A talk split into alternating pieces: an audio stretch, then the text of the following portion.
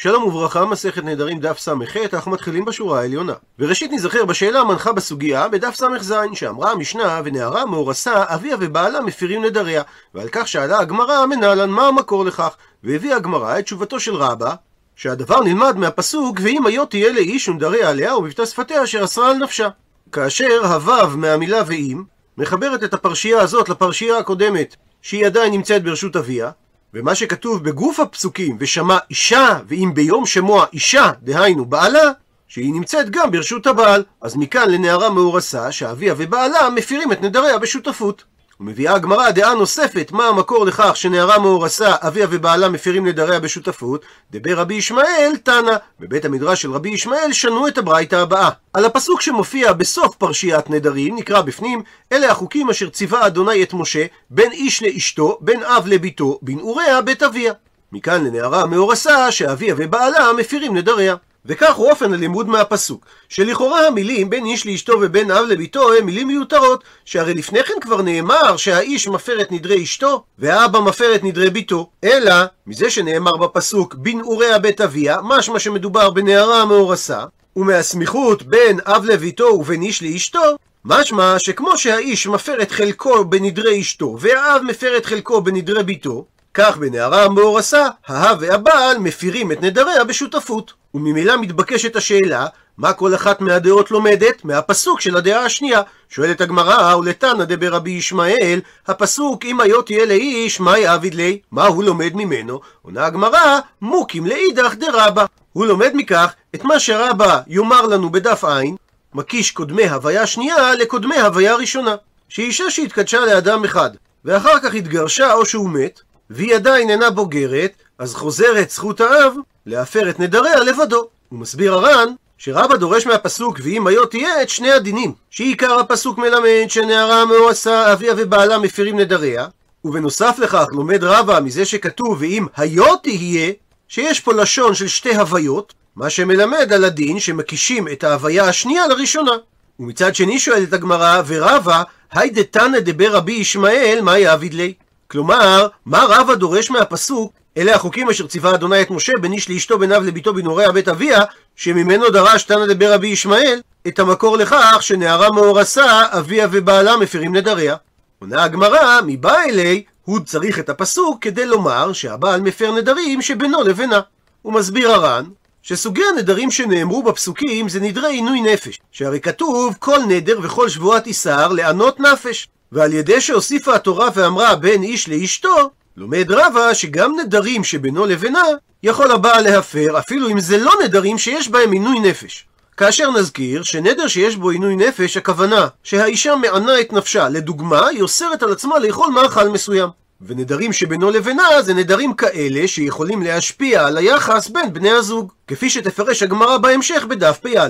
ושואל הר"ן, אז לתנא דבר רבי ישמעאל, מהיכן אנחנו לומדים שיכול הבעל להפר גם נדרים שבינו לבינה? ועונה על כך הר"ן, שייתכן שתנא דבר רבי ישמעאל למד את הדין הזה מאותו פסוק. ובנוסף לכך מעיר הר"ן, כמו שבעל אינו מפר בנדרי אשתו אלא נדרים שיש בהם עינוי ודברים שבינו לבינה, באותו אופן אב אינו מפר בנדרי ביתו, אלא נדרים בסגנון הזה בלבד. וכך גם מובא בספרי על פרשת מטות. אין לי אלא בעל שאין מפר אלא נדרים שבינו לבינה ונדרים שיש בהם עינוי נפש. האב מנין? תלמוד לומר, אלה החוקים בין איש לאשתו בין אב לביתו. על כורחין, אתה מקיש את האב לבעל. מה הבעל אין מפר אלא דברים שבינו לבינה ונדרים שיש בהם עינוי נפש? כך גם האב. ונסכם את הדעות בטבלה הבאה. לפי רבא, הפסוק ואם היו תהיה לאיש הוא המקור לדין שנערה מאורסה, אביה ובעלה מפירים את נדריה. ובנוסף לכך, מזה שכתוב היו תהיה, לומדים להקיש הוויה שנייה להוויה ראשונה. ומהפסוק, אלה החוקים אשר ציווה אדוני את משה בין איש לאשתו בין אב לביתו בנעוריה בית אביה, לומד רבה, שבנוסף לנדרי עינוי נפש, הבעל יכול להפר גם נדרים שבינו לבינה. תנא דבר רבי ישמעאל לעומת זאת סובר, שמהפסוק, אלה החוקים אשר ציווה אדוני את משה בין איש לאשתו בין אב לביתו בנעוריה בית אביה, לומדים את המקור לכך שנערה מאורסה, אביה ובעלה מפירים את נדריה, ומהפסוק, ואם היו תהיה לאיש, לומדים את הדין שמקיש הוויה שנייה להוויה ראשונה.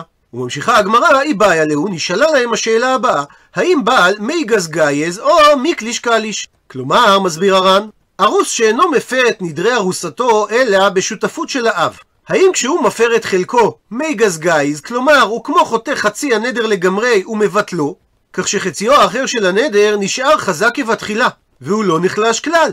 או אולי מיקלש קליש, זאת אומרת, שגם כאשר הארוס מפר את נדרי הארוסה, אין כאן ביטול של חצי הנדר, אלא על ידי שהארוס הפר את נדרי הארוסה, הוא בעצם החליש את הנדר כולו. הוא מעיר הר"ן שהגמרא הציגה את השאלה רק לגבי הארוס, דהיינו הבעל, אבל השאלה קיימת גם במידה והאב הוא זה שמפר את חלקו. וכפי שכבר הזכרנו, ניתן לדמות את ההפרה של הבעל והפרת האב כאילו מדובר על מפתחות לכספת. ואם נאמר מי גז גייז, זה כאילו כל מפתח יכול לנעול או להתיר את הנדר בצורה עצמאית. כך שגם אם אחד מהצדדים הפר את חלקו בנדר, עדיין נשאר החלק השליל של הנדר כמו מקודם. מה שאין כן, אם נאמר מיקליש קליש, שהארוס והאבא אחראים ביחד על ההפרה של הנדר, במקרה כזה, אם אחד מהם הפר את הנדר, הוא השפיע על החוזק של כל הנדר, גם על החלק של השני. ובלשון המפרש, שהפרת אחד מהצדדים פשטה בכל הנדר, ולכן הוא החליש במעט את כל הנדר. אז אם כך, הנדר קל ממה שהיה עד עכשיו. הוא מפרט את הגמרא, איכא קמי באיה לן. באיזה אופן בא הדבר לידי ביטוי, או בלשון הגמרא הרגילה, מה נפקא מינה. הוא מבאר את הגמרא, כגון דנדרה האישה מטרן זיתי, שהיא נדרה שהיא לא תאכל שני זיתים, ושמע הארוס והפר לה את חלקו בנדר. ואכל תינון, והאישה אכלה את שני הזיתים. אז אי אמרינן מי גזגייז לקיה, ואי אמרינן מקלש קליש איסורא בעלמאו. הוא מסביר הר"ן, אם אנחנו אומרים מי גזגאי, זאת אומרת שעל ידי הפרת הארוס את הנדר פקע איסור מאחד הזיתים, אבל האיסור על הזית השני נשאר כבראשונה, אז ממילא היא לוקה על כך שהיא אכלה את הזית השני. ורק בגלל שאנחנו לא יודעים איזה מהזיתים הוא האסור ואיזה הוא המותר, הביאה הגמרא את המקרה שבו היא אכלה את שני הזיתים. אבל אם אנחנו אומרים מיקלש קליש, אז גם כאשר היא אוכלת את שני הזיתים, היא לא תקבל מלכות, כי על ידי הפרת הנדר מאחד השותפים, נחלש כל הנדר, ואין בו אלא איסורא בעלמא. ועל כן שואלת הגמרא, מה יהיה הדין במקרה הזה? וכדי לענות על השאלה הזאת, מביאה הגמרא תשמע. בו שמע הוכחה מברייתא שמפרשת את המשנה בדף ע'. ולכן, קודם כל נקרא את המשנה בדף ע', שאומרת המשנה, מת האב לא נתרוקנה רשות לבעל, מת הבעל נתרוקנה רשות לאב, ובזה יפה כוח האב מכוח הבעל. ועל כך אומרת הברייתא, מתי אמרו במשנה שאם מת הבעל נתרוקנה רשות לאב, זה בזמן שלא שמע הבעל את הנדר של ארוסתו קודם שימות, כך שאין פה מצב שהוא קיים את הנדר. או נקרא לפי הגרסה של הגאות הבח, ששמע והפר, או ששמע ושתק, ומת בו ביום. כך שאפילו במקרה שהוא שמע ושתק, הוא לא הפר ולא קיים את הנדר. כי מפני שהוא מת בו ביום, הוא לא הספיק להראות דעתו אם הוא מתכוון לקיים או להפר את הנדר. כי אם הוא לא היה מת, ייתכן שהוא היה מפר וייתכן שהוא היה מקיים. אז על המקרה הזה אומרת הברייתא, זוהי ששנינו במשנה, שכאשר מת הבעל נתרוקנה רשות לאב. ואז האב עצמו מפר את כל הנדר, וזה לא משנה אם מפר הבעל במפורש, או שהוא שמע ושתק ואנחנו לא יודעים מה הוא התכוון, בשני המקרים חוזר האב ומפר את חלקו. ועל זה אמרה המשנה בדף ע' שבזה יפה כוח האב מכוח הבעל, שהאב מפר בלא שותפות הבעל. מה שאין כן הבעל אינו מפר אלא בחיי האב. הפכנו דף, אבל אם שמע הבעל וקיים את הנדר, או ששמע הבעל ושתק ומת ביום שלאחריו, כך שהשתיקה שלו גם היא נחשבת כקיום הנדר, במקרה כזה אין יכול להפר האב את הנדר.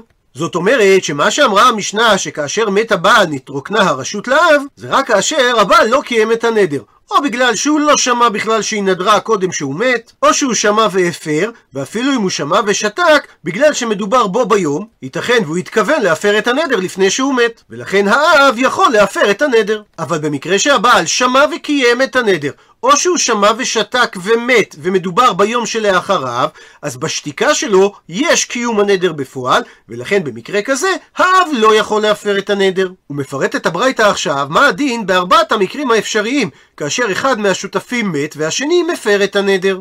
מקרה ראשון, שמע אביה והפר לה, ולא הספיק בה לשמוע עד שמת האב, זוהי ששנינו שכאשר מת האב לא נתרוקנה רשות לבעל. מקרה שני, שמע בעלה והפר לה, ולא הספיק האב לשמוע עד שמת הבעל, זוהי ששנינו, מת הבעל נתרוקנה רשות לאב.